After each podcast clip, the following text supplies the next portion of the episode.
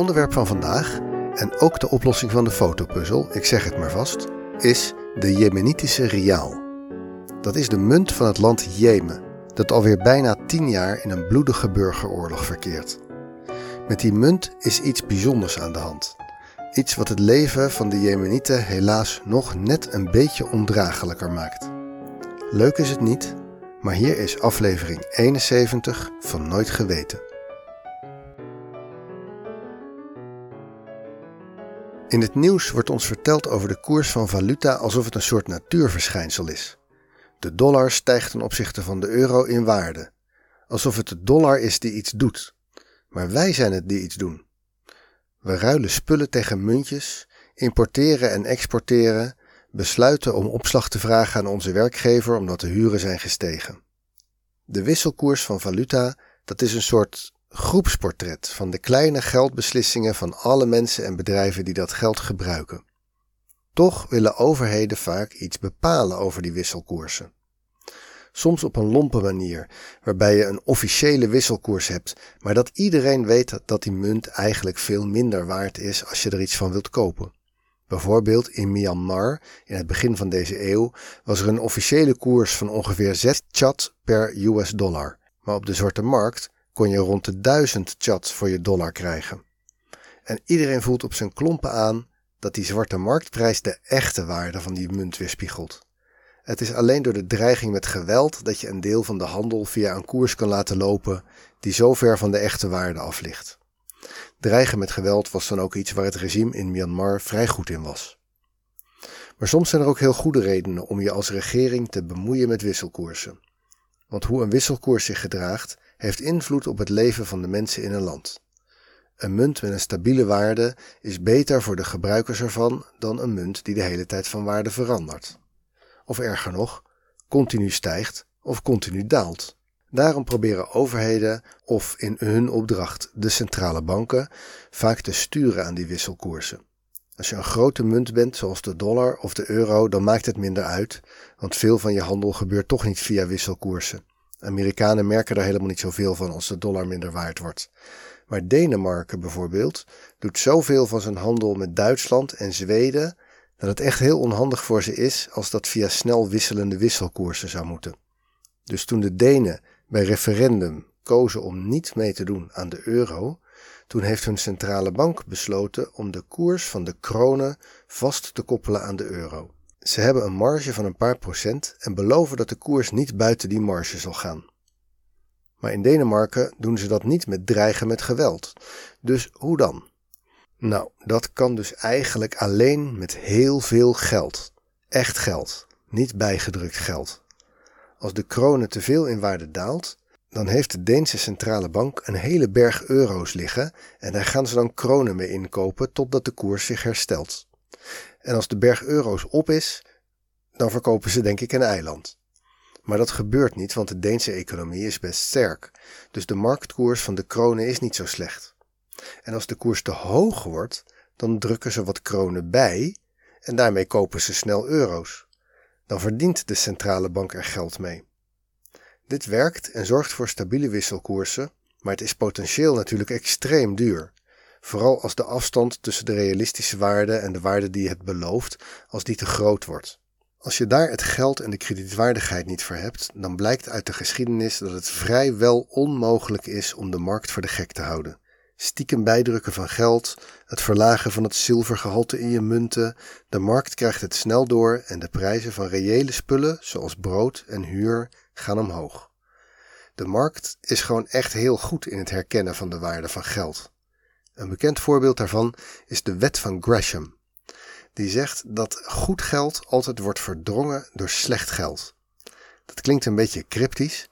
Er wordt mee bedoeld dat als je twee vormen van geld hebt, bijvoorbeeld briefjes en munten, die in theorie volgens de machthebber die het uitgeeft dezelfde waarde hebben, maar waarvan een van beide iets extra's heeft, dat dan in de markt alleen het geld overblijft zonder dat extra.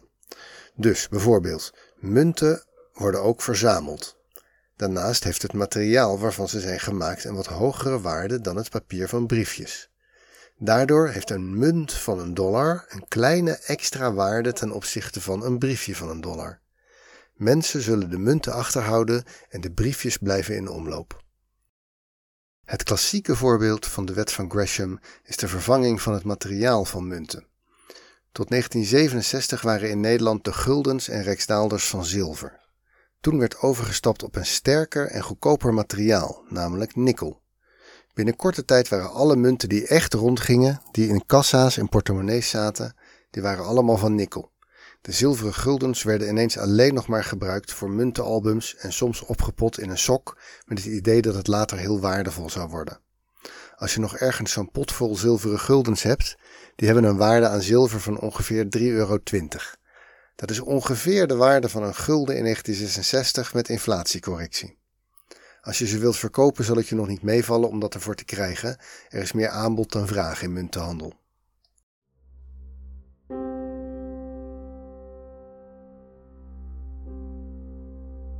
Maar goed.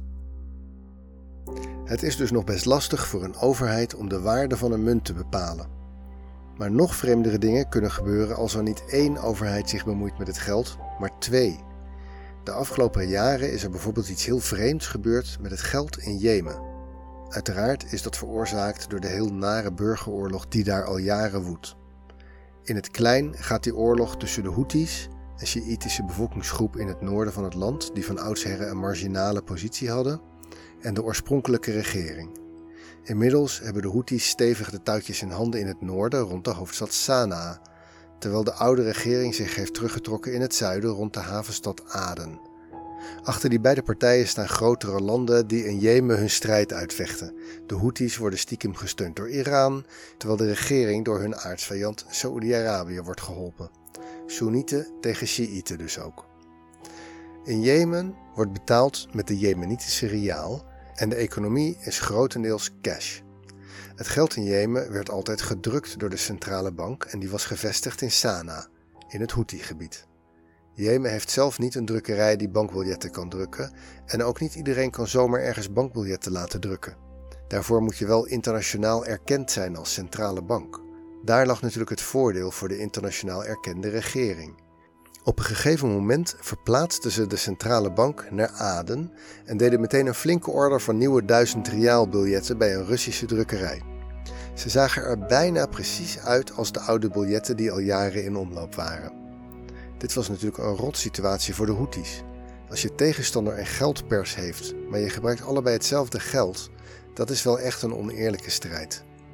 De riaal helemaal overboord gooien was ook makkelijker gezegd dan gedaan, want je moet toch iets gebruiken. En al dat extra geld zorgt voor inflatie, maar daar hebben beide partijen evenveel last van. Nadat ze het een tijdje hadden aangekeken, besloten de Noordelijke het nieuwe geld gewoon te verbieden. Iedereen kreeg een beperkte tijd om de nieuwe bankbiljetten die ze in handen hadden gekregen om te wisselen voor oude, tot een maximumbedrag. En daarna was het afgelopen. Je kon de nieuwe biljetten en de oude biljetten op basis van een aantal kenmerken uit elkaar houden, maar niet makkelijk. Zo begon het serienummer van de oude biljetten altijd met de letter alif en die van de nieuwe biljetten met een da. Die nieuwe biljetten waren ineens geen betaalmiddel meer in het noorden, maar wel in het zuiden. De oude biljetten kon je in beide delen van het land gebruiken. Ja, wat gebeurt er dan? In het zuiden zorgde de wet van Gresham er al snel voor dat er geen oud biljet meer in omloop was. Immers, een oud en een nieuw biljet waren daar precies evenveel waard als geld. Maar met de oude kon je iets extra's. Je kon ze mee naar het noorden nemen en daar iets kopen. Dat kon niet met het nieuwe geld. Dus dreef het slechte nieuwe geld het goede oude geld al snel uit de markt. Al je oude geld ging of naar het noorden of werd opgepot, want je weet maar nooit. En er gebeurde nog iets. In het noorden konden ze geen nieuw geld laten drukken dus daar was de geldhoeveelheid stabiel. In het zuiden werd geld bijgedrukt om het leger te kunnen betalen. En dus begonnen al snel de wisselkoersen uit elkaar te lopen. Binnen een jaar waren de oude riaals al meer dan twee keer zoveel waard als de nieuwe. Op internet kan je grafieken zien van de koers van de Jemenitische riaal tegen de dollar, die dan halverwege in tweeën splitst en waar de koers van de nieuwe briefjes vanaf zomer 2019 langzamerhand naar beneden begint af te wijken, terwijl de oude briefjes ongeveer de waarde houden die ze al voor het conflict hadden. En daardoor is dus in Jemen een van de belangrijkste principes van geld onderuit gehaald, namelijk dat de ene peseta precies evenveel waard is als de andere en dat je dus een soort taal ontwikkelt om de waarde van dingen in uit te drukken. Een gevoel voor waarde dat je iedere dag gebruikt. Op de markt voor eten, maar ook voor dingen die je nog nooit eerder hebt hoeven betalen, zoals een telefoon of beltegoed. Is het duur? Is het goedkoop? Als je geld geen duidelijke waarde heeft, gaan al je prijsankers zweven. Alsof de bevolking daar nog niet genoeg voor de kiezen heeft gehad. Stel je had een schuld bij een buurman. Moet je die terugbetalen in oude of nieuwe reaals? De schuldeiser zal altijd een voorkeur hebben voor de oude waardevolle reaals. De schuldenaar zal het liefst aflossen in nieuwe reaals. Dit geeft allemaal extra gedoe. En daarnaast hebben ze natuurlijk in het noorden nog een extra probleem. Die oude briefjes zijn weliswaar waardevoller dan de nieuwe, maar ze zijn zo langzamerhand wel echt oud aan het worden. Gek genoeg heeft de regering in het zuiden nog niet echt zijn best gedaan om het verschil kleiner te maken. Je had op zich best nieuwe serienummers kunnen bestellen die meer leken op de oude. In het begin zie je het verschil nog aan hoe rafelig de briefjes zijn, maar op een gegeven moment wordt de nieuwe namaak ouder en wordt het steeds moeilijker om puur op slijtage in te schatten wat de echt oude briefjes zijn. Misschien zouden ze er in het noorden beter aan doen om nu, nu hun briefjes nog waardevast zijn, over te schakelen op een nieuwe munt. Gewoon op de dollar of de roebel of zo. Ze kunnen nu ook al niet zelf bijdrukken, dus met die handicap hebben ze al leren leven. Dit was aflevering 71 van Nooit Geweten. De oplossing van de fotopuzzel was de Wikipedia-pagina over de Jemenitische cereaal. Ik kreeg een tip over de gevorkte koers van de Jemenitische cereaal van Jan Jongboom, waarvoor als altijd weer veel dank. Nooit Geweten wordt gemaakt door mijzelf, Teun Duinstee, en is een hommage aan Wikipedia. Ken je iemand die dit een leuk verhaal zou vinden? Stuur het dan door. Volgende week is er weer een aflevering en wie alvast wil weten waar die over gaat, kan proberen de Wikipedia fotopuzzel op te lossen. Die vind je in de show notes. Bedankt voor het luisteren en tot de volgende week.